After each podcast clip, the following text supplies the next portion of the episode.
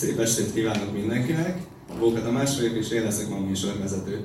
Köszöntök mindenkit a Politológus Műhely és a második Reformkor Alapítványnak a Pillax estén. Köszönöm a vendégeinknek, Siffer Andrásnak és Lányi Andrásnak, hogy eljöttek. A mai témáink kapitalizmus kritika, fenntarthatóság, Európai Unió kritika, környezetvédelem és még sok más lesz.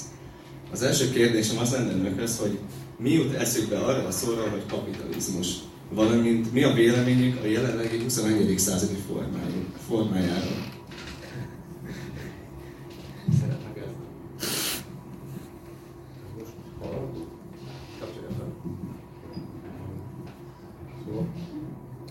Itt a Marx Károly Közgazdaságtudományi Egyetem utódjában, ahol vagyunk, és ahol én is jártam valamikor, itt a kapitalizmusról először Marx Károly jutott az eszembe minden esetre, aki igen sikeresen terjesztette a modern ipari társadalomnak ezt az elnevezését, ami részben találó, részben egy csomó olyan történetfilozófiai, politika-filozófiai előfeltevéssel kapcsolódott össze, ami meg ma már nem kapjuk. Úgyhogy röviden csak ennyit. A kapitalizmus mostani formája alatt, hogyha a, azt a világrendszert értjük, amit globalizációnak szoktunk nevezni, ennek az a nagy újdonsága, hogy végre sikerült a gazdasági szereplőknek megszabadulni a helyi politika, a helyi társadalom mindenfajta ellenőrzésétől, és olyan globális hálózatokban szerveződni, amelyekre a legkevésbé jellemző az szabad kereskedelmi világrend elnevezés, hiszen se a szabadsághoz, de még a kereskedelemhez sincs olyan nagyon sok közel. De hát remélem, hogy az elemzésére később lesz alkalom. Most akkor ennyit. Jó estét, és szépen azt mondtam, hogy rendkívül megtisztelő, hogy miközben csütörtök esti órákra már nem nagyon járnak itt Belmondban, hogy pénteken úgy sincs semmi. Ennyien eljöttek péntek este. Kapitalizmusról nekem kapásból az ugrik be, hogy az emberiség történetének tulajdonképpen a legéletképesebb rendszere, hogyha azt veszem, hogy a kihívásokkal szemben nincs szüksége nyílt depresszióra, mert igen rugalmasan tudja elcsatornázni a kihívásokat, illetve a saját rendszerébe illeszteni az esetleges kihívásokat. A mai kapitalizmus az a globális kapitalizmus, mert a világ proletárjai nem is egyesültek, de a tőke igen, mármint hogy a tőke az már alapvetően globálisan szerveződik meg, csatlakozva ahhoz, amit az András az imént mondott, ebből ugye az a nagy feladvány keletkezik, hogy azok, akiknél a nagy pénz van ma a világon, a legkülönfélebb szektorokban, egyre kevésbé ellenőrizhetők, jól rosszul működő demokratikus intézmények, nemzetállami intézmények által. Én egyébként a szabadkereskedelem kifejezés valószínűleg a mai este is fogom használni, kénytelen vagyok, hát ez az egyik fő bajunk, hogy a szavak nem igazán fedik azt, amit egyébként eredetileg azokon értettek. Egész egyszerűen azért, mert ami a rendszer logikájából következik, tehát éppen, hogy a tipikusan nemzeti vagy, vagy, vagy éppen európai szinten megfogalmazott környezeti, munkajogi, szociális szabályok, tehát minden, ami a tőke logikájával szemben korlátot emel, ezeknek a lerontása, erre nincs ma közkeletű kifejezés, mint szabadkereskedelem vagy szabadkereskedelmi politika. Egy, egy mondatot meg engednek, eszembe jutott, hogy nem tudom, feltűnt nektek az, hogy miközben az államok egyre inkább nyerességelven elven működnek, erre a legjobb példa a magyar állam, az államok, mint ilyen üzleti vállalkozások működnek, közben ezek a nemzetközi cégbirodalmak viszont egyre inkább politikai szerepet töltenek be és akkor utalnék az Antonio Negrinek erre a birodalom elméletére, hogy vajon biztos, hogy tudjuk, hogy mi a különbség egy multinacionális befektetői hálózat és egy államnak elnevezett politikai testület között. Tehát talán az, az egyiknek vannak területi határai, és ebben jár valami minimális felelősség, az új típusú birodalomnak nincsenek területi határai, de hát a mongol birodalomnak se volt, az aranyhorda, ahova éppen eljut, oda ott van a határa mindenkori mongol birodalomnak. Most is, ahova az aranyhorda eljut, ott uralkodik, de ezt inkább szeretném politikai terminusokkal leírni, mint szorosabban vagy közgazdasági terminusokkal. Itt még a globalizmushoz kapcsolódva az van a kérdésem, hogy itt társadalmi szinten mi a véleményük a globalizmusról, inkább jót tett az emberiségnek, vagy most már átcsapott egy negatív irányba? És hogy mekkora szerepe van a globális nagytőkének a közvetlen életünkre jelenleg? Bevallom töredelmesen, én még mindig borzongok, hogy ezt a szót hallom, globalizmus, mert eredetileg én ezt kerültem is, rendkívül szerencsétlennek tartom, de megint csak abba ütközünk bele, hogy vannak jelenségek, amikre egész egyszerűen nincsenek normális leíró kifejezéseink. Lehet, hogy eredetileg a globalizációt akarta használni, azt szerintem jobban fedi talán azt, amire rá kívánt kérdezni, a globalizáció, én, én ezt mindig kikérem magamnak, amikor nekem globalizáció ellenesen, antiglobalistának, az ördög tudja, minek neveznek, hogy a globalizációt azt nem kell se helyesen, se ellenezni. A globalizáció van, az egy ténykérdés. A kérdés az, hogy, hogy, hogy mire használjuk a globalizációt. Tehát például, hogy honnan közelítek, hogy vannak olyan globális ökológiai problémák, amiket csak nemzetközi együttműködésre, ráadásul hatékony nemzetközi együttműködéssel lehet megoldani, akkor, akkor azt gondolom, hogy kifejezetten élvezhetjük a, az áldásait a globalizációnak. A 20 évvel ezelőtt ugye ez a kérdés úgy merült fel, hogy lehet-e más a világ, tehát létezhet egy alternatív globalizáció. Ha most visszatérek az ön eredeti kifejezésére, tehát ez a globalizmus, amit én, én ilyen egészen hátborzongatónak tartok.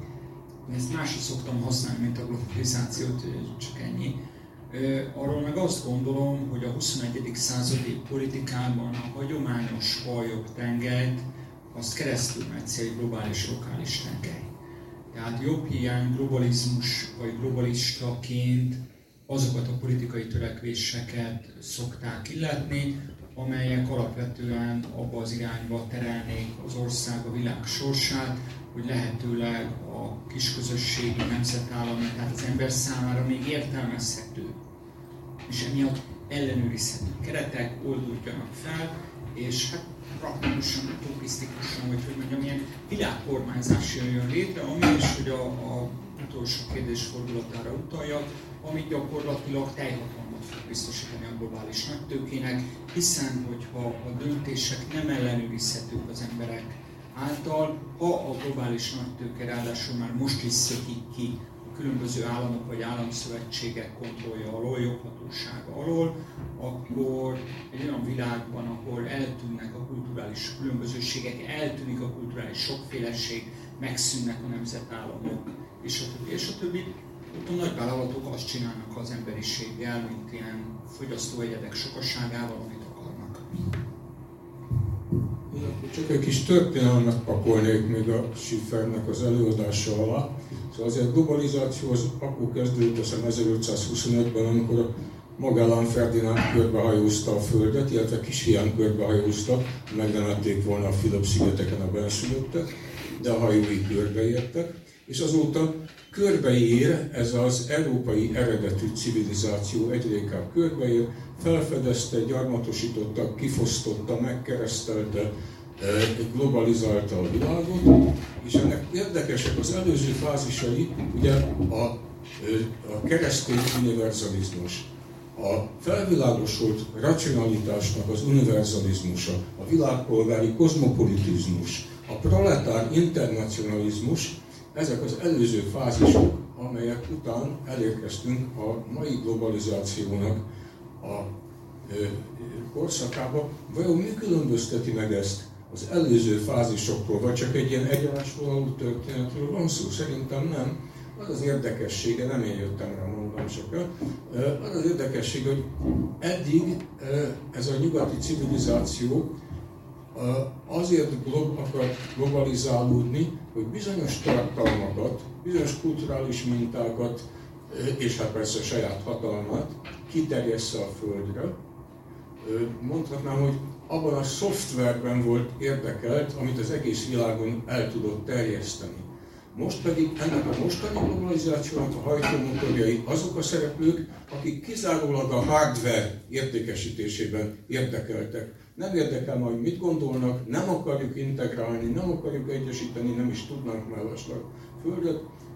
Ez a globalizáció azért a gazdaság ennek a főszereplője, vagy a technológiai gazdasági rendszer, mert ez ezt a hardware terjesztette el. Most ennek az a következménye, hogy a világ mérhetetlenül szoros kommunikációs, gazdasági, technológiai szálakkal lett ilyen egységesítve, miközben kulturálisan, politikailag a legkevésbé sincsen egységesítve, és amikor egymástól nagyon idegen emberek, civilizációk, politikai szereplők nagyon közel kerülnek egymáshoz, nagyon szoros közelségbe kerülnek, akkor mi szokott lenni?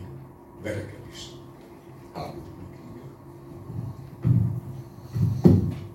A következő kérdésem az a környezetvédelmek a gazdasági viszonylatáról szólna.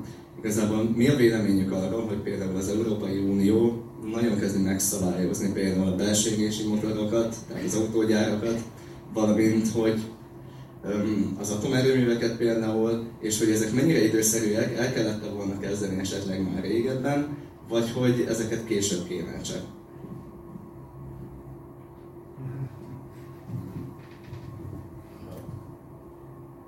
Az a helyzet, túl értesültek róla, a földi ökoszisztéma összeomlása, földi klíma összeomlása a lehető legjobb úton halad egy katasztrófa felé. Most ehhez képest, ha valaki meg azt pedig mondani, hogy hát egy kicsit elhamarkodottak, ezek a felemás, képmutató, erőtlen és eredménytelen intézkedések, amelyekben a világ, most Európa e, e, vezetői megegyeztek, az nem tudja, hogy hol él, pontosan nem tudja, hogy mikor él. Tehát ezek nagyon is időszerűek, és erre nem válasz az, hogy na de hát mi lesz akkor az európai gazdasággal. Ki az a gazdaság, hogy az érdekei fontosabbak, mint az emberiség túlélése, a mi túlélésünk, az önök és az önök gyermekeinek a megmaradó élet lehetőségei. Tehát ezek az intézkedések teljesen függetlenül hogy milyen, egy, számomra egy részletkérdés. Tudok rá válaszolni, de részletkérdés, hogy mi történik akkor, hogyha az Európai Unió túlságosan előre szalad a klímacélok teljesítésében. Majdnem mindegy, mindenképpen előre kell szaladni valakinek, és erre különböző okból e, Európa legalkalmasabb, azért, mert itt még van visszabeszéd, itt van valamilyen nyilvánossága a problémák megtárgyalásának, tehát itt nem közvetlenül érvényesül az a politikai kényszer, ami lehető, lehetetlenné teszi azt, hogy ezt az önkorrekciót meglépjük. Tehát Európa meg tudja lépni, és meg is kell lépnie, akár mennyire próbálja ezt a magyar kormány és más ilyen másfelé elkötelezett szervezetek akadályozni. Hát akkor csak kiegészíteném, hogy először is ez, hogy az Európai Uniónak a minapi, meg, meg elmúlt időben hozott különböző intézkedései környezeti szempontból nem túl koroliak-e, hát nem kell annyi magyar nemzetet olvasni, erre ezt tudom mondani. Mert a persze, tehát tudom, 0-24-ben a, a propaganda sajtó ezt tolja, hogy ezek megőrültek, és Európa versenyképessége is túl korai, és és a. Miközben arról van szó, hogy ezek igencsak későiek, sőt, tovább megyek, a fő gond ezekkel az, hogy az Európai Uniónak az egész döntéshozatala mélyen át van itatva a részben európai gyökerű, részben meg nem európai gyökerű globális nagytőke érdekbefolyásolási törekvéseivel. Tehát a fő gond nem is az, hogy ezek az is gond, hogy ezek későn meghozott intézkedések, hanem ahogyan meghozzák, az is, az is magán hordozza a történetben nagyon is érdekelt cégeknek a, a kézjegyét. Mire gondolok, hogy hiába hoznak meg belső égési motorok, azt hiszem arra vonatkozott a kérdés, motorokkal kapcsolatban különböző intézkedéseket itt Európában, hogyha közben meg az, elektrom, az elektromos autógyártáshoz a ö, ásványkincset német zöldek üfrivalgása mellett termelik ki Dél-Amerikában, Afrikában, hogy egyáltalán nem érdekli a német dönt, még oly zöld német döntéshozókat sem, hogy ezzel milyen jóvátehetetlen károkat tesznek az ökoszisztémában. Tehát nekem az a bajom azzal a zöldre festéssel, amit az utóbbi években látunk, hogy elferdíti a tekintetünket arról, hogy valójában nem pusztán egy szegmens, nem pusztán klímával van a probléma, nem pusztán Európában van a probléma, hanem az ökoszisztéma egészével és az egész világ. És ehhez képest az olyan európai intézkedések, amik, amik így oldalaznak csak a különböző tőke érdekeltségek, profit éjsége mentén, azok szerintem nem is elégségesek. Az atomenergiával kapcsolatban meg nekem elég elvágólagos a, az álláspontom, szerintem ott nincs miről tárgyalni. Egyszerűen azt kéne végre belátni, és úgy tetszik ez, senki ne próbáljon engem azzal tronfolni, hogy én jogászként mit, mit avatkozok bele olyan, olyan ügybe, amikhez nem értek valóban. Sőt, engem volt, meg is akartak buktatni fizikából, képzeljék el.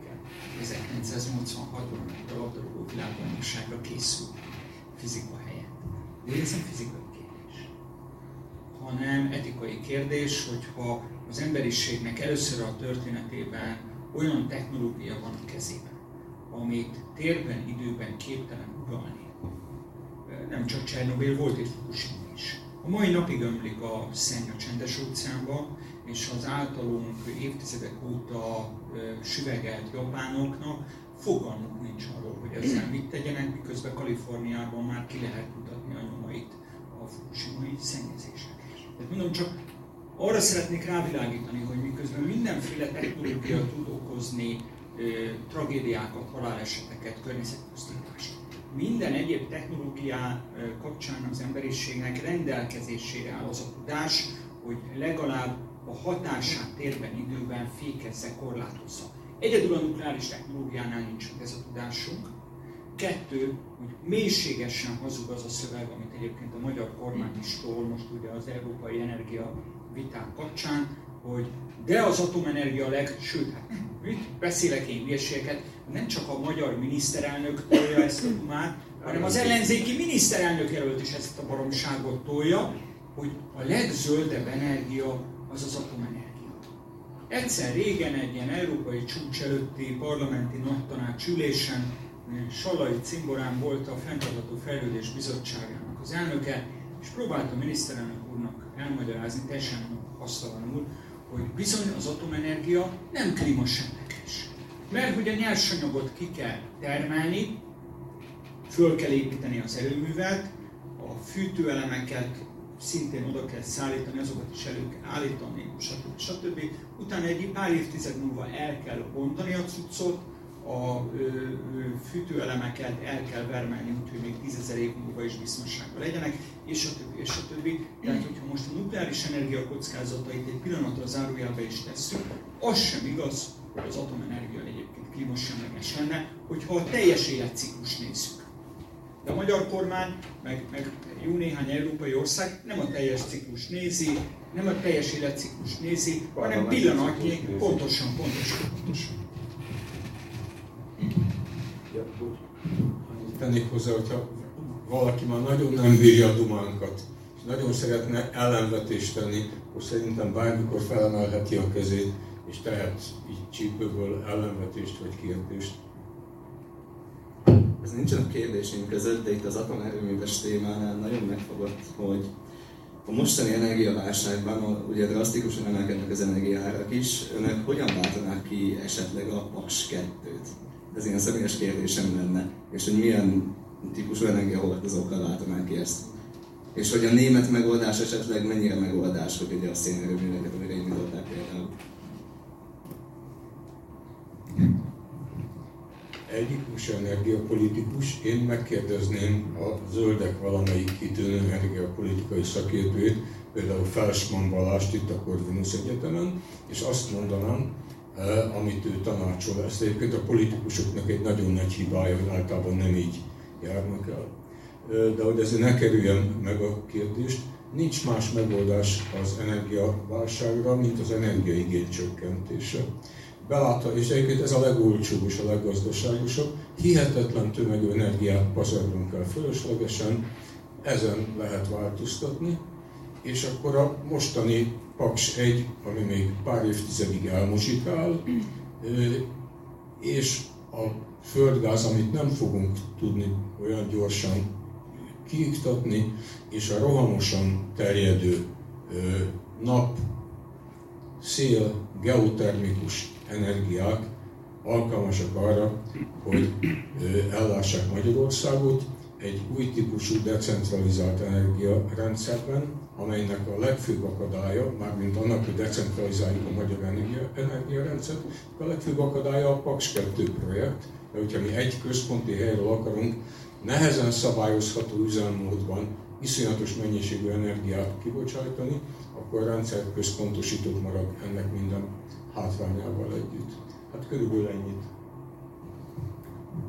Én azért a 14-es kampányban Munkácsi Bélától például kértem tanácsokat, amikor pont a Paks 2 volt egy forró téma, 14 eh, tavaszán, ugye amikor az Orbán-Putyin paktumot eh, nyílbe ütötték. Eh, a német és a magyar helyzet nem gondolom, hogy összehasonlítható lenne semmilyen szempontból, már csak a méretarányossági szempontból sem. A németeknek például a magyar gazdasághoz képest van egy olyan előnyük, hogy sokkal energiahatékonyabban működik. Például a vezetékeken is a hálózati vesztesség kisebb, az épületek energiahatékonyabbak, és a többi, és a többi. 2014-ben is azzal érveltünk Paks 2-vel szemben, hozzáteszem, én nem emlékszem arra, hogy nem hogy a parlamentben, de akár a parlamenten kívüli zöld mozgalmak közül is bárki 14-ben Paks 1-nek is az azonnali leállítását követelte volna, tehát ezt rögtön felejtsük is el, mielőtt még ezzel. Mert ugye volt ez a vád, még annak idején Sólyom elnököt is az akkori szocialista kormánytól volt, aki megvádolta, hogy maga holnap le akarja kapcsolni Paksot, szóval nincsen. Senki nem bolondult meg. De ugyanakkor a magyar gazdaság tekintetében irgalmatlan lehetőségek vannak az energiahatékonyság javítását illetően. Én arra emlékszem, hogy annak idején 13-14-ben a rezsicsökkentéssel kapcsolatban én minduntalanszor elmondtam, hogy egészen odáig, hogy a multiknak az extra profitját elveszi a kormány, maximálisan egyetértek. Az, hogy ezt mire fordítják, na ez a nagy kérdés.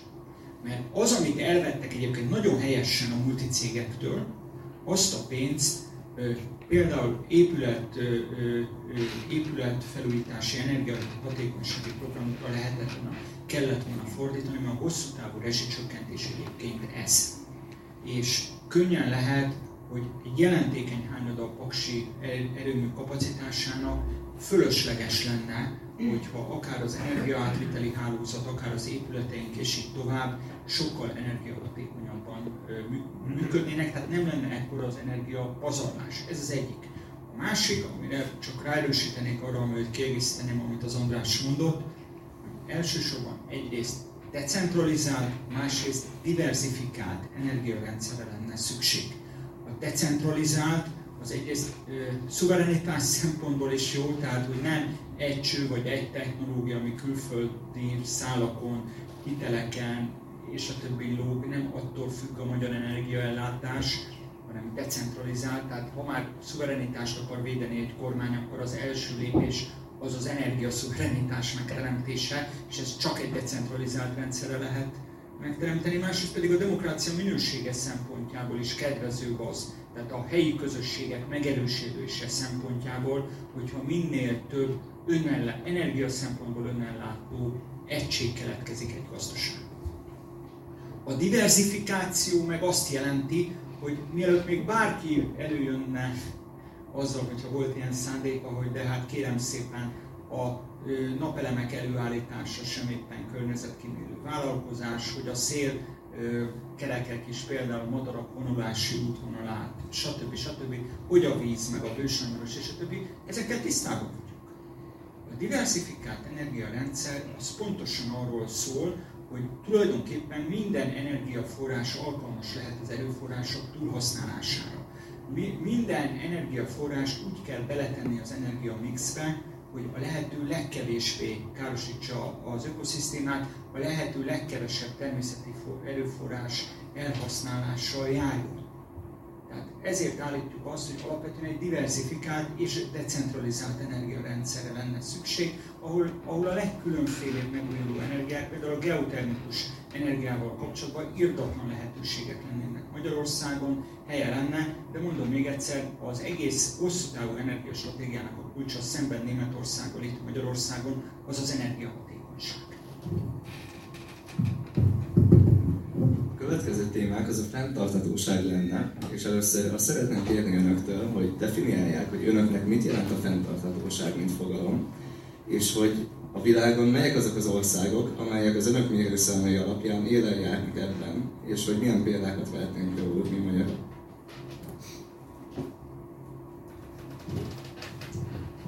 Második részére eleve nem válaszolok. Mit tudom én?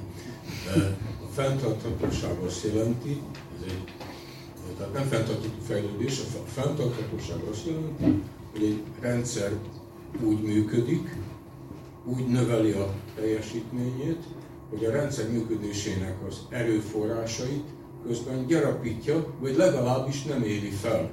Tehát ez a fenntarthatóság. Hogyha egy rendszer úgy növeli a teljesítményét, hogy ezáltal az erőforrásait kimeríti, akkor az a rendszer nem fejlődik, hanem válságba jutott, és halad az összeomlás felé. Ez azért fontos, mert el kell dönteni, hogy a fenntartató, hogy biztos, hogy mi fenn akarjuk tartani ezt a rendszert, amiben élünk. Ez egy alapvető kérdés, és a fenntartatóság kérdés azért egy manipulatív kérdés, nem véletlen, hogy ebből az egész zöld szókincsből a fenntartható fejlődés, sőt, uram, bocsánat, fenntartható növekedés terjedt el, ezzel meg, ez egy csúsztatás. Megkerülik azt a kérdést, hogy figyelj, biztos, hogy fenn akarod ezt tartani? Nem lehet, hogy az egész egy hanyatlás, egy válság és valami rendszer szintű újra gondolása kellene a dolognak? És ezt megkerüljük, és hogyan lehetne fenntartani? Azért kérdezetek, hogy fenn akarom-e tartani.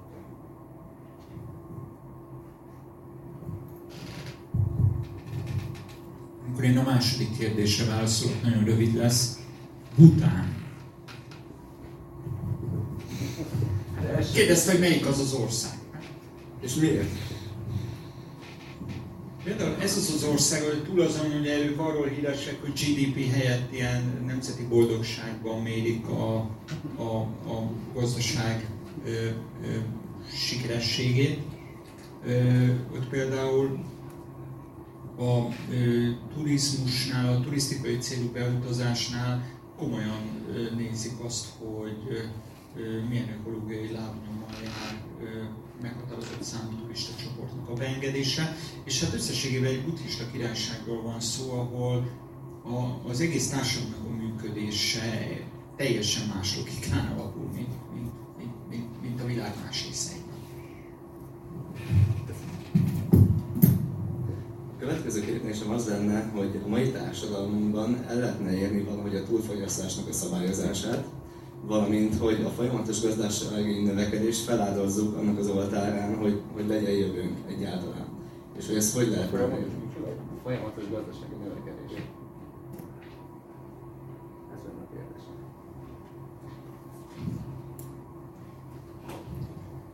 Gazdasági növekedés alatt feltétlenül a GDP-ben miért növekedésre gondolsz? Most ennek a növekedésnek ma már világszinten sincs közvetlen összefüggése, legalábbis korrelációja a jólét növekedésével. Ma már a nyomor növekedésének, a társadalmi különbségek növekedésének, a környezet romlásának, a emberhez méltó munka lehetőségek csökkenésének, az egészségi állapotunk hanyatlásának folytathatnám, az oka az úgynevezett gazdasági növekedés.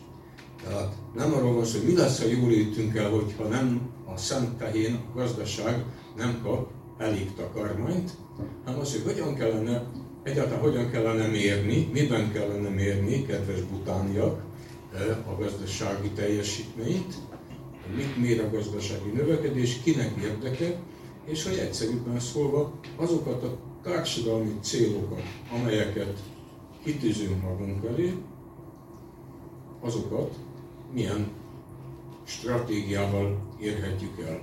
És felejtső, hogy az orvos mondja, hogy a krónikus szimulát betegnek, vagy panaszkodnak, hogy hanem dobja már azt a hőmérőt, és ne állandó a hőmérőt nézze, hanem kezdjen sportolni, egészséges életet élni, vagy valamit.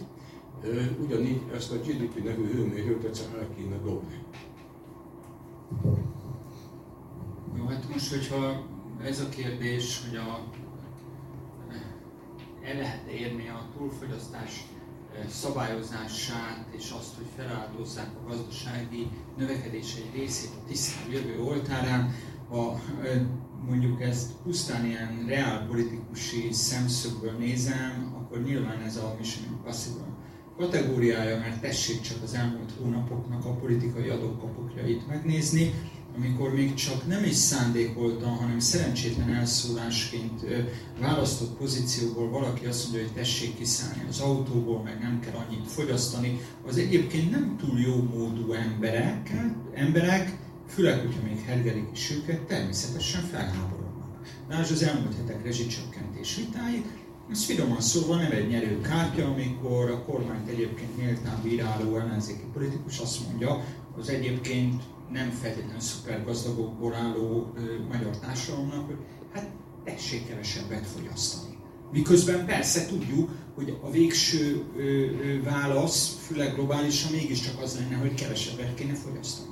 Én máshonnan közelítem mert hogy az a helyzet, hogy lehet persze azt mondani, hogy akkor nem kell választást nyerni, csak az a rossz hírem van, hogy demokratikus legitimáció nélkül viszont a még oly magasztos célokat sem lehet megvalósítani, lásd a 20. századi történelmet. Viszont, hogyha nem odavágják az emberek arcába, hogy tessék holnaptól kevesebbet fogyasztani, miközben egyébként is mondjuk nem keveseknek mindennapi megélhetési gondjaik vannak, hanem például, és mondok egy látszólag teljesen furcsa és inadekvát felvetést, pedig nem az, mondjuk a tervezett avulás És a tervezett avulás érdekében vállal konflikt, ö, elleni fellépés érdekében vállal konfliktusokat Brüsszelben, akkor végül is ugyanazt a célt szolgáljuk, anélkül, hogy az egyébként szegény honpolgár úgy érezné, hogy megint őt akarnák megsarcolni. Miről beszélek? Nekem minap fölmondta a számítógépen a szolgálatot, elvittem informatikushoz, aki elkezdett velem ordítozni, hogy hogy képzelem én azt, hogy én egy tíz éves, egy tíz éves gépet használok. Mondom, miért ne? Hát mert hogy ezeket két-három évente cserélni kell. Miért? Miért? És szerintem ilyen eszközökkel, ilyen beavatkozásokkal lehetne tenni ilyen kérdésben megfogalmazott magasztos cél meg érdekében, meg a túlfogyasztás ellen, anélkül, hogy az egyszeri ember úgy érezné, hogy megint rajta akarnak megváltani. Az ő bőrére akarnának valakit, valakik világot megváltani. Sok helyről halljuk azt a pozitív propagandát, főleg itt a kormányzón is, itt a marketingen főleg, hogy a nagyvállalatok mennyire környezettudatosak, fenntartatóságra törekednek, viszont tényleg van ilyen nagyvállalat esetleg? Tudnak mondani példát, hogy ezt így, így skippeljük is, mert ilyen nem létezik? Nem skippelhetjük is. Tehát ez az a kategória, amit itt az első kérdésre válaszul próbáltam elmondani én azt látom, hogy a, a globális kapitalizmusnak a vezérhajói, főszereplő, tehát a legnagyobb globális nagyvállalatok egy az egyben zöldre festésben utaznak, tehát hogyha azt látják, hogy fogyasztói, de közvetve választói szempontból van valamilyen elvárás velük szemben, akkor megpróbálják az imidzsüket, néha a termékeiket is úgy átalakítani, minthogyha zöldek lennének, és ezzel a készülő ellenállást le is szerelték. Most nézzék meg, hogy akik mondjuk itt a klíma változás elleni küzdelem nagy élharcosai, és nem győznek magukról olyan hirdetéseket kibocsátani, hogy ők mennyire klímasemlegesek, A. Autóiparban, mondom az előbbi, tehát a lítium bányászat összefüggéseit tessék egyszer figyelmet fordítani.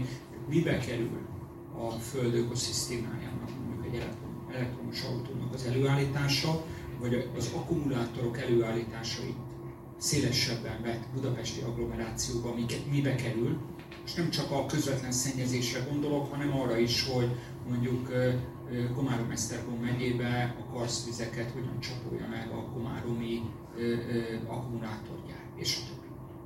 Ezeket is tessék végig gondolni, ha már mielőtt még bedőlnénk a BMW, meg nem tudom kik, akik még ilyen szivárvány hirdetésekkel is meneteltek az EB-n, ugye, mert politika semleges a futball, mint tudjuk. Legalábbis MB2-es meccseken beszokták mondani, ez úgy látszik az Európa bajnokságra nem érvényes. A másik meg, hogy tessék megnézni, hogy azok, akik a klímaváltozás elleni küzdelem, meg a fai egyenjogúság és más ilyen nemes céloknak az élharcosai, mondjuk különböző amerikai tiltakozó akciókban, hogyan termelnek extra profitot maguknak Kínában, Afrikában, vagy bármilyen olyan részén a földgolyónak, ahol velük szemben nincsenek kemény munkajogi vagy környezeti előírások. Hányan vannak ezek közül olyanok, akik akár gyilkos eszközöket is igénybe vesznek Indonéziától Nigériáig, hogyha a természeti erőforrások elrablásáról van szó. Hányan vannak az ilyen cégek közül olyanok, akik nem általanak gyermekmunkát igénybe venni, vagy éppen Kínában például politikai foglyokkal dolgoztatni az extra profitért.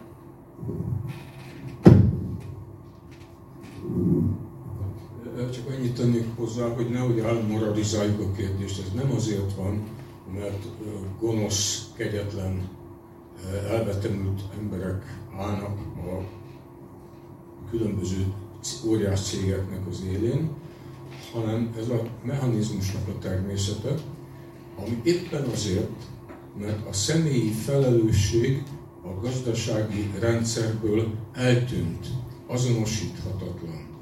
A tulajdonos nem tudja, hogy mi befektette a pénzét, mondjuk egy portfólió befektetésen keresztül a nyugdíjasnak, a nem magyar nyugdíjasnak, akinek van komoly megtakarítása egy nyugat-európai nyugdíjas pénze, nem is tudja, hogy mi befekteti, hát kikéri magának az, hogy felelősségre vonja. A részvénytársaságban ülő, a részvény, maga a részvénytársaság, az a legkülönbözőbb érdekeket képviselő, nekik egyetlen, érde, egyetlen jogosítványuk van, hogy a befektetések a maximális módon megtérülnek el. És abban a pillanatban, hogyha nem térül meg maximálisan, akkor ő nem tehet mást, mint hogy leváltja a menedzsmentet.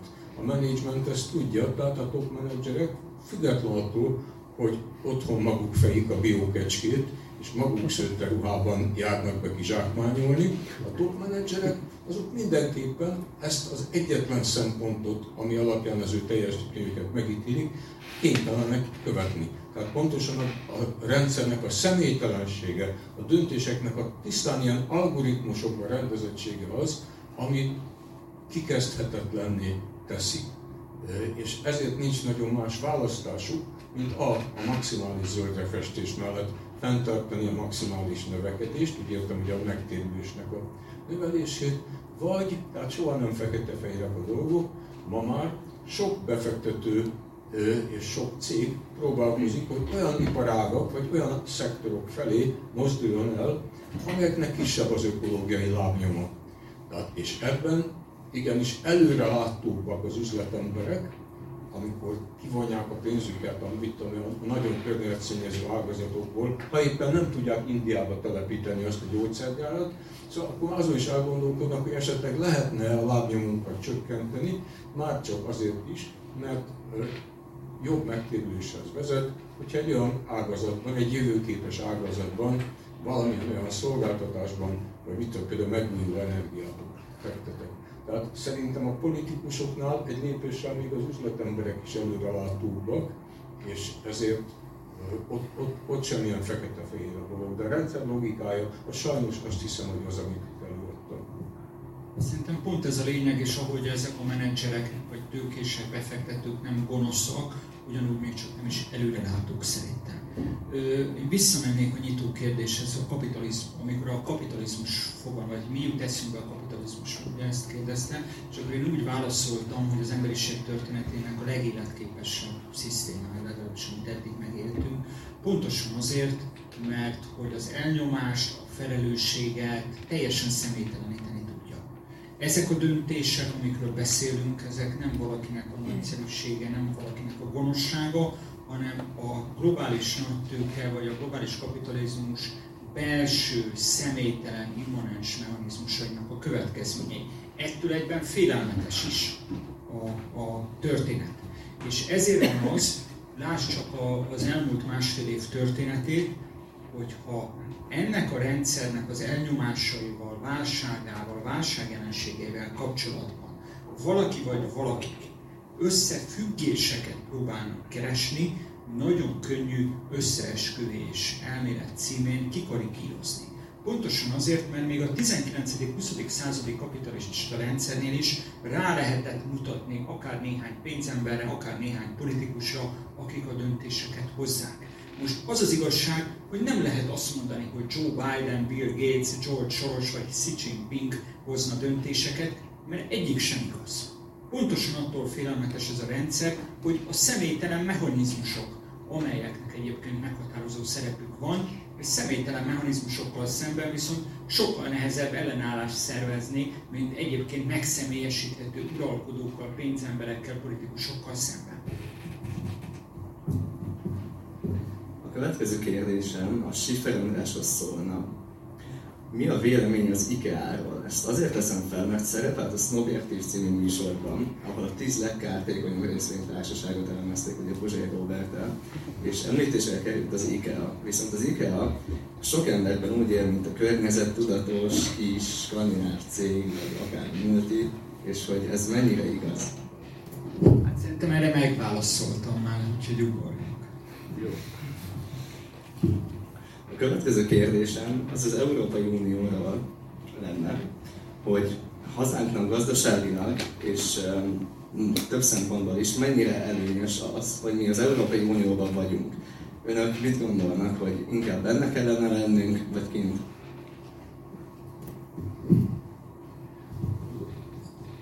Nincs más választásunk, az Európai Unióban benne kell lennünk, és az Európai Uniónak rengeteg olyan előnyös tulajdonsága van, amiből hasznot húzhatnánk. Például a nálunk magasabb színvonalú környezetvédelem, munkás védelem, igazságszolgáltatás, a hatalmi ágak megosztására való gondos odafigyelés. Tehát az Európai Uniónak számos előnye van, ezek ellen tiltakozunk és ezek elől menekülünk. Valamint van számos hátránya is az Európai Uniónak, ami általában a, miután a centrum és periféria országok közötti különbség ma az unión belül jelenik meg, Magyarország, mint a féle periféria ország, ilyen hátrányokat szenved el. Ezeket két kézzel húzzuk magunkra. Tehát nem az a kérdés, hogy milyen az Európai Unió, hanem hogy milyen marhák vagyunk ennek mintha, mintha a mezőgazdasággal kezdett volna, tehát ennek a leglátványosabb példája valóban a magyar mezőgazdaság, ami kedvező adottságaink következtében igen, előnyösen tudtunk volna belépni az európai piacra olyan minőségi termékek sokaságával, amelyeket más európai országokban nem nagyon állítanak már elő. Ehelyett mi arra vettük az irányt, hogy a legkisebb hozzáadott értéket nyújtó tömegtermékre állítsuk rá a mezőgazdaságunkat, amit lehetőleg nagyon kevés munkás kézzel elő lehet állítani. Miért? Mert sok munkás kéz van. Akkor még volt, most már nincs. Lehetőleg a legtöbb egyszerrel, foszilis tüzelőanyaggal és géppel lehet előállítani. Miért? Mert a mezőgazdaságban helyreállt az a fajta nagybirtokrendszer, ami az elmúlt 500 évben egyébként tudom, hogy jellemezte a magyar mezőgazdaságot, de talán nem ez az a haladó hagyomány, amit tiszteletbe kellett volna tartani. És így most ez a főleg ilyen, ilyen ipari méretű állatgyárakban és hatalmas iparosított szántóföldeken zajló gabonatermelésben kimerülő magyar mezőgazdaság, így a lehető legkisebb hasznot hoz az országnak, bizonyára ez a szándék. Hát én arra emlékszem, hogy 2003 tavaszán volt ugye az uniós népszavazás, 2004 május 1-én zöldültünk bele a Európai Unióba, és 2003. január 1-én Védegyetben voltunk, az András Zinszki Jánossal együtt megjelentetett egy kiadványt Belezöldülünk címen. És én többen meg is botránkoztak, mert én is úgy, úgy berzenkedtem, mert hát az, hogy Európai Unió, hát ez egy ilyen természeti törvény, hogy nekünk oda csatlakozni kell, mert egyszerűen így van megírva valahol a, a magasban. Ma már azt gondolom, hogy az András meg a, a Zinszki rendkívül előrelátóak voltak, amikor kritikáikat 2003-ban megfogalmazták. Én sem nagyon látom azt, hogy nem az, hogy 2003-2004-ben, akár csak most Magyarország számára belátható időn belül lenne alternatívája az uniós tagságnak, egész egyszerűen azért, mert azt látjuk, hogy sok esetben még az Európai Unió sem elég erős és hatékony szereplő a globális színpadon ahhoz, hogy érdeket tudjon érvényesíteni. Önmagában Magyarország, vagy akár csak a v még úgy sem. Másfelől viszont nyersen, nyíltan ki kell mondani, hogy az elnézést nem tudok jobb szót, kifejezést használni, szabadkereskedelmi logika, amire az európai gazdasági közösséget, a közös piacot annak idején megszervezték, az bizonyosan hatékony és kevéssé igazságtalan, azonos fejlettségi fokon, nagyon hasonló társadalmi kulturális fejlődésen keresztül ment országok ö, együttműködésére, viszont mérhetetlenül igazságtalan, és bebetonozza a leszakadást akkor, amikor centrumot és félperifériát abroncsoz össze. Nekem az az állításom, és kicsit akkor megerőlegezem a válaszomat a következő kérdésre is, hogy ez a szabadkereskedelmi logikára épülő Európa alkalmatlan arra, hogy a félperiféria országai, nem csak Kelet-Európa, Dél-Európa is valaha érdemben közelíteni tudjanak az európai centrumhoz, ha úgy tetszik, felzárkózzanak egészen nyersen fogalmazva én azt gondolom, hogy ami uniós csatlakozás címén történt, nem 2004 óta, 88-89 óta, hogy az első politikai megállapodásokat megkötöttük, és éltanulóként ez pozitívum volt ugye a 90-es években Magyarország elsőként kezdte a vámtarifáit lebontani az európai közösség irányába, ez gyakorlatilag egy új gyarmatosítási eszköz volt az európai centrumországok kezében, Kelet-Európával szemben. Ez a helyzet. Ez a helyzet.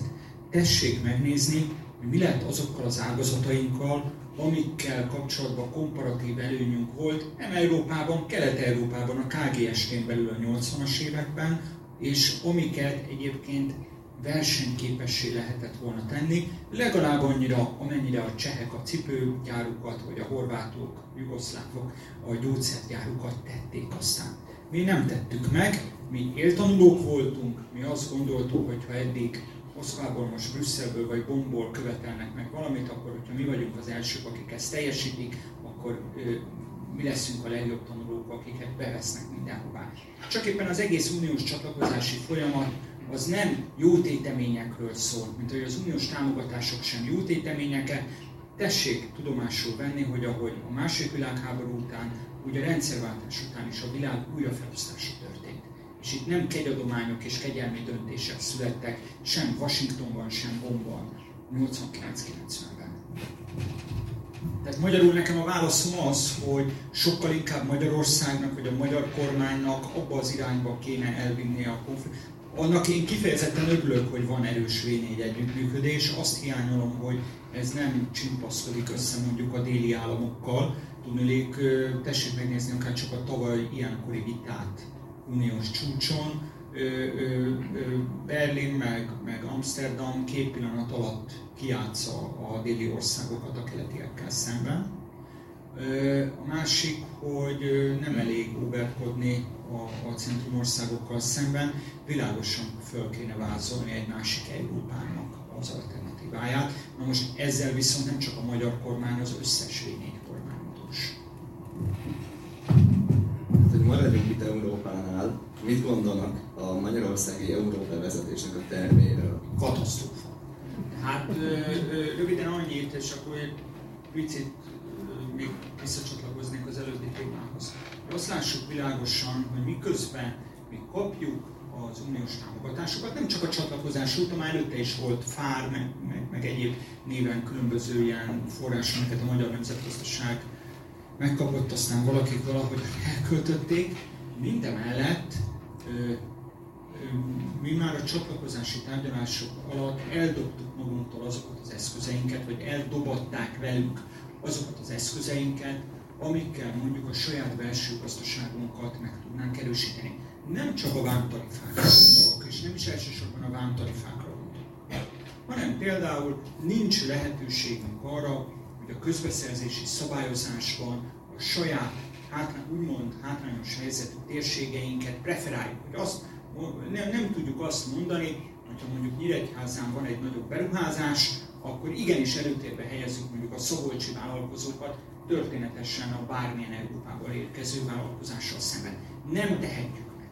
Na most a monetáris unió már nem csak ezeket az eszközöket veszi ki a kezünkből, hanem a monetáris szuverenitásnak az elvesztése, és könyörgök most ne konkrét miniszterelnökbe meg jegybankelnökbe gondolkodjanak, a monetáris szuverenitásnak az elvesztése azt jelenti, hogy végképp nem lesz a kezünkben semmilyen olyan eszköz, amivel egyébként a hatalmas versenyképességi hátrányunkat valamilyen módon nivellálni tudnánk.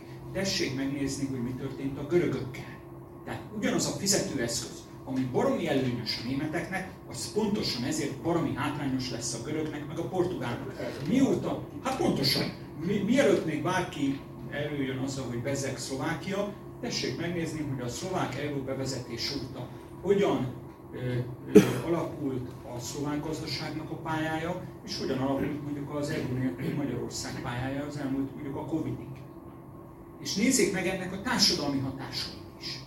Tehát olyan társadalmi szé- szétszakadás és olyan éjséglázadás, mint ami mondjuk a Zurinda kormány idején volt az euró bevezetése idején Szlovákiában, hál' Istennek ilyet Magyarország nem tapasztalt meg.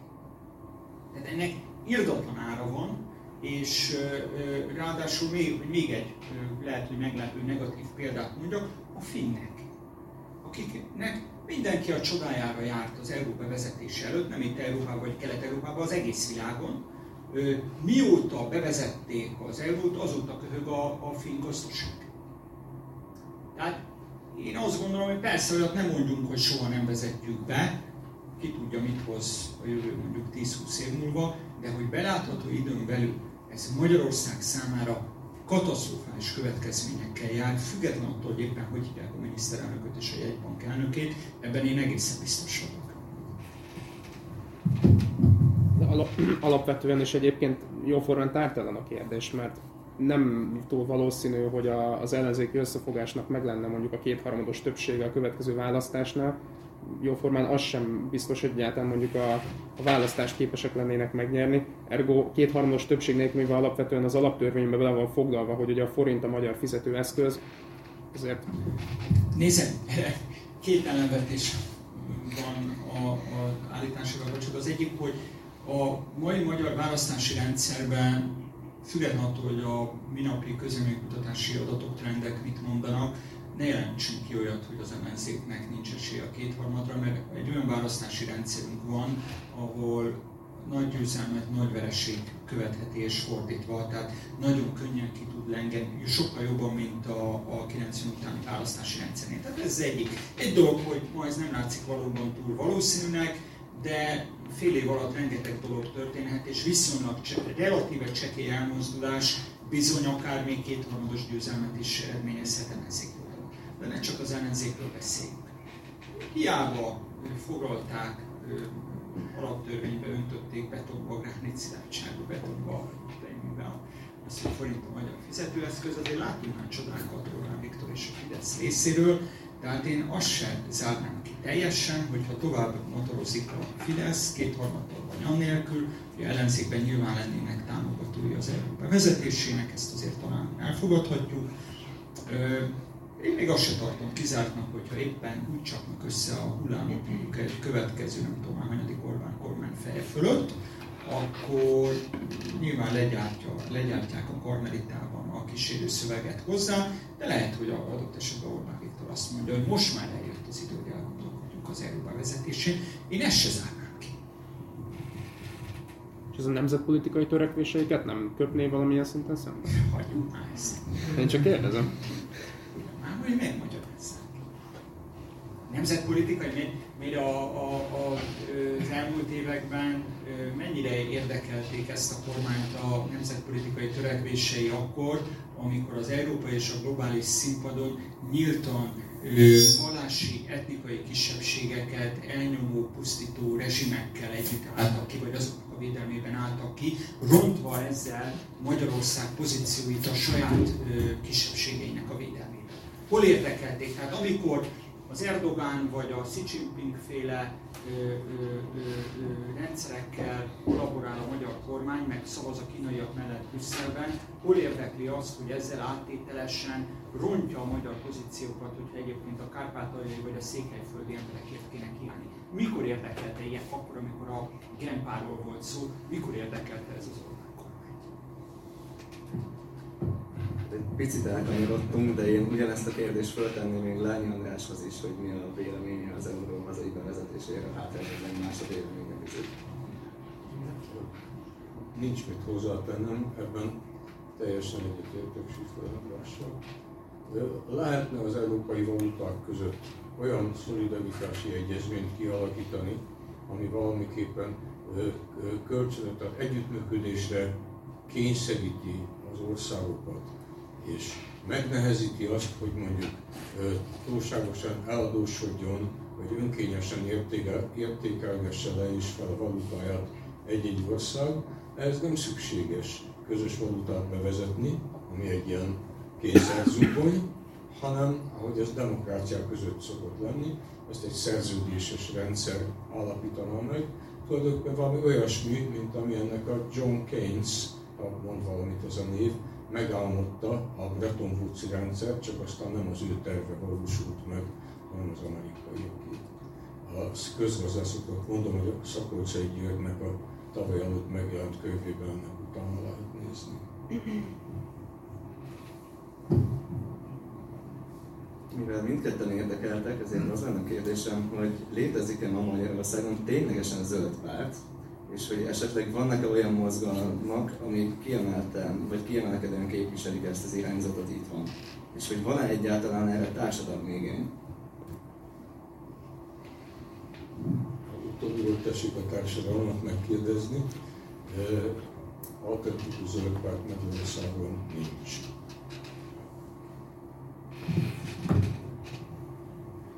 igény biztosan volna rá. Most mi, mi, mi volt a, még előtte a kérdés? Létezik-e ma Magyarországon ténylegesen zöld párt? Nyilván nem. Most ezt. Ezért e, azt lehet látni, hogy van egy populista jobboldali, meg van egy e, progresszív jobboldali több. Magyarországon az egyik az katonai rendben van szerveződve, a másik finoman szólva ennek a, az ellenkezője, azon kívül pedig a parlamentbe jutásra esélyes pártok között szintén van egy populista, nemzeti radikális formáció, meg van egy viccpárt. És nagyjából itt szerintem a témát azt le is zárhatjuk. Esetleg olyan mozgalmak, amelyek ezt az irányt kiemelkedően képviselik Magyarországon, Hát én erre csak a, a költőt tudom idézni, hogy csak a csend, a hó és a halál. Hát uh, itt, itt uh, teljes mozgalmi apály szerintem Magyarországon, azzal együtt, hogy lokális környezeti konfliktusoknál vannak, és ez egyébként nem csak az elmúlt 10, ez az elmúlt 20 évnek a fejleménye, lokális környezeti konfliktusoknál már vannak olyan mozgalmak, amik nem pusztán ilyen not in my backyard gondolattal lépnek föl, hogy csak ne az én hátsó udvaromba telepítsenek egy szemétlerakót, hanem hajlandóak az összekapaszkodásra is. Most én itt gondolok például a, a magyarországi nagy tavak környékén történő beruházások ellen fellépő, alapvetően lokális állampolgári önszerveződéseknek az összekapaszkodására, de itt a Pesti agglomerációban is lehet látni ilyen egymásra találásokat. Számomra, számunkra az első ilyen nagyon pozitív példa egyébként az Engő mozgalom volt 2004-ben, amikor szintén alapvetően lokális bekötésű helyi állampolgári csoportok találtak egymásra, majd találtak meg országos zöld politikai szervezeteket, de jelenleg az ilyen lokális környezeti konfliktusokba beleálló csoportokon kívül legfeljebb tiszavirág életű kezdeményezések, fellángolások vannak. És ez nem is véletlen. Ha belátjuk azt, hogy ez az úgynevezett ökológiai politika, vagy zöld politika, ez alapvetően rendszeridegen. Radikálisabban, nem rendszeridegen, mint akár a hagyományos baloldal, ami nem magát az ennek a technológiai központosító politikai gazdasági berendezkedésnek a létjogosultságát vitatja, hanem csak másképpen osztaná a javakat és a jogosítványokat. Magának a rendszernek az alapműködését bíráló, megkérdőjelező zöld politikai törekvése, mondhatnám az utolsó pillanatig a rendszeren kívül működnek, és ezért nem számíthatnak arra, hogy beveszik őket ebbe a buliba. Ahhoz, hogy egy zöld pártot bevegyenek ebbe a hatalmi buliba, annak jelentős mértékben korrumpálódnia kell. Ez nem okvetlenül baj. Ennek a német zöld párt a mintája, csodálatos dolgokat értek el Németországban, azáltal, hogy a céljaiknak egy jelentős részét föladták. De egy olyan politikai erőnek, amely tehát a létező hatalmi tényezőkkel nem tud igazán jó ízűen alkudozni, koncesziókat kötni, annak csak akkor van létjogosultsága a politikai térben, hogyha egy széles civil bázison tud megjelenni. A német zöldpártot megelőzte a német, pontosan az atomerőművek elleni német tömegmozgalom és sok más alternatív új baloldali mozgalom megerősödése Németországban. És akkor sok nagy mozgalom csinált egy kis pártot. Angliában aránylag korán indult ilyen ökológiai alternatív mozgalmak, a Friends of the Earth mozgalom hozott létre, a nagy mozgalom hozott létre egy kis pártot, az Ecology Partit, később zöld pártnak nevezték át az ökológia szóról, akkor se tudta senki, hogy ez még is jelent tulajdonképpen. Tehát itt nincs más, mint másképp megjuthatnak ahhoz a olyan mennyiségű társadalmi munka kell, ami pótolja azt a tőkét, amit a politikai üzletágba való belépés ma a világban megkövetel. Ezt a tőkét zöldeknek nem adják. Próbáltuk, nem adják. Ezért nincs más lehetőség, mint valamilyen viszonylag széles körű civil bázison építeni ki a politikai képviseletét az ökológiai gondolatnak.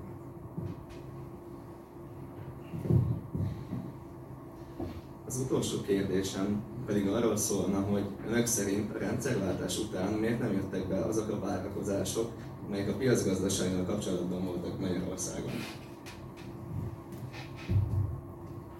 Hát én Tölgyesi Pétert idézném meg, akit itt a szomszédteremben előadásokra egy szemeszter elején szoktam rendre idézni, a Hegymenet című kötet, ez 6 vagy 7 évvel ezelőtti kötetnek a előszavába írja egy nagyon magas gondolatot, hogy ami, tehát a 80-as években a keleti blokkon belül Magyarországnak látszólag volt egy irdatlan versenyelőnye a többi országgal szemben, mert hogy itt lehetett a legszabadabban vállalkozni, lehetett GMK-kat alapítani, TS melléküzemág, kis butikokat nyitni a Pesti belváros, Pesti tovább, Pesti tovább.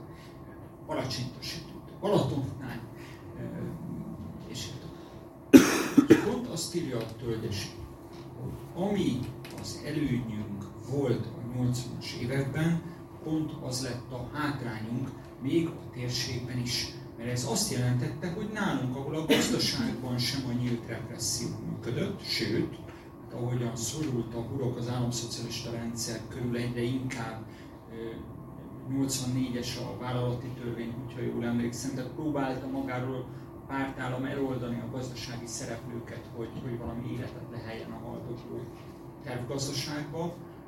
Egész egyszerűen olyan magatartás minták rögzültek az új magyar kapitalizmusba, ami a máig hatóan tehertétel.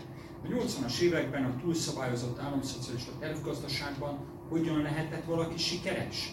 Hogyha be tudta csapni az államot hogyha jó volt a szabály kikerülésben, és jó volt a kapcsolati tőke egyengetésében. Na most ugyanez a magatartás, mint akkor, amikor már a főszabály a piacgazdaság hátránya a magyar vállalkozásoknak, és összességében pedig az összteljesítmény tekintetében hátránya az egész magyar nemzetgazdaságnak. Na most a tölgyesi féle tételt egy picit tágítanám. Tehát, hogy itt ez a látszólagos előny nem csak a, a mindennapi vállalkozói magatartás szintjén fordult át hátrányá.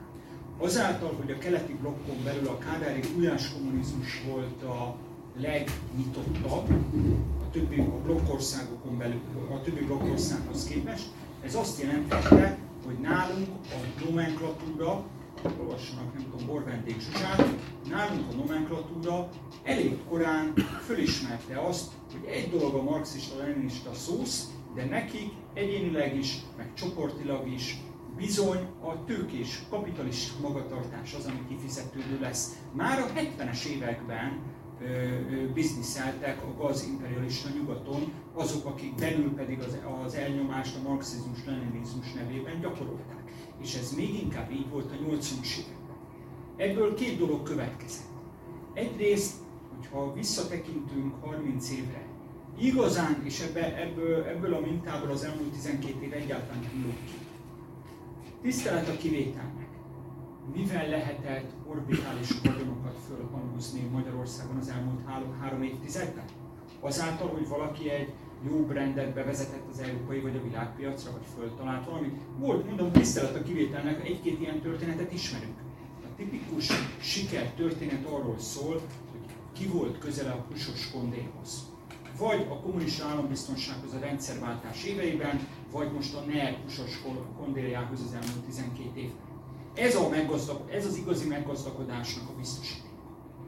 A másik, hogy a kádári nomenklatúrának az ilyen, hogy úgy mondjam, külföldi bekötöttsége, érdekeltsége, az, hogy még büszkék is voltunk arra a 80-as években, hogy mi vagyunk a legnyitottabb ország, lásd Tölgyesinek a tételét, hogy a 80-as évekbeli előny az hogyan válik hátrányá.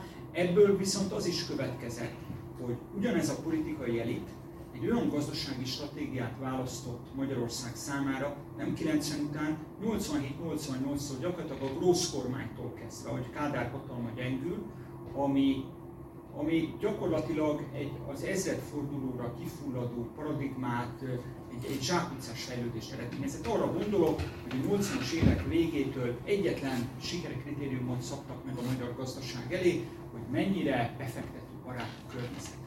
Jegyzem meg, a 80-as évek végén mellőzhetetlen volt az, hogy valamilyen külföldi tőke, működő tőke bejöjjön, mert annyira technológia hiányos volt a magyar, meg egyáltalán a keleti tervgazdaság.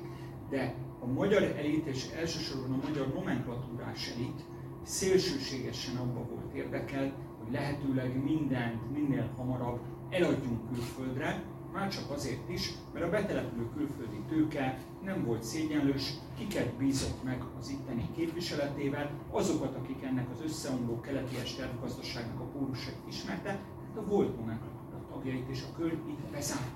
Tehát az, hogy itt nem a valós teljesítmény számít, hogy nagyon korán az égett a retinákba, meg a zsigerekbe, hogy a szabálykerüléssel és a kapcsolati tőke ügyes forgatásával lehet egyből a kettőre jutni, vagy felszínen maradni.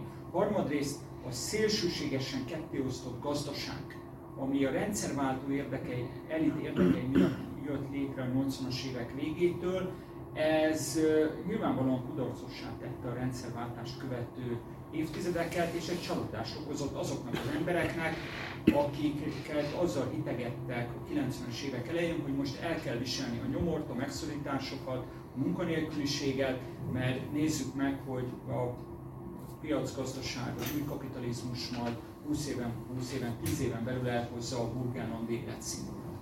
Még most se jött el.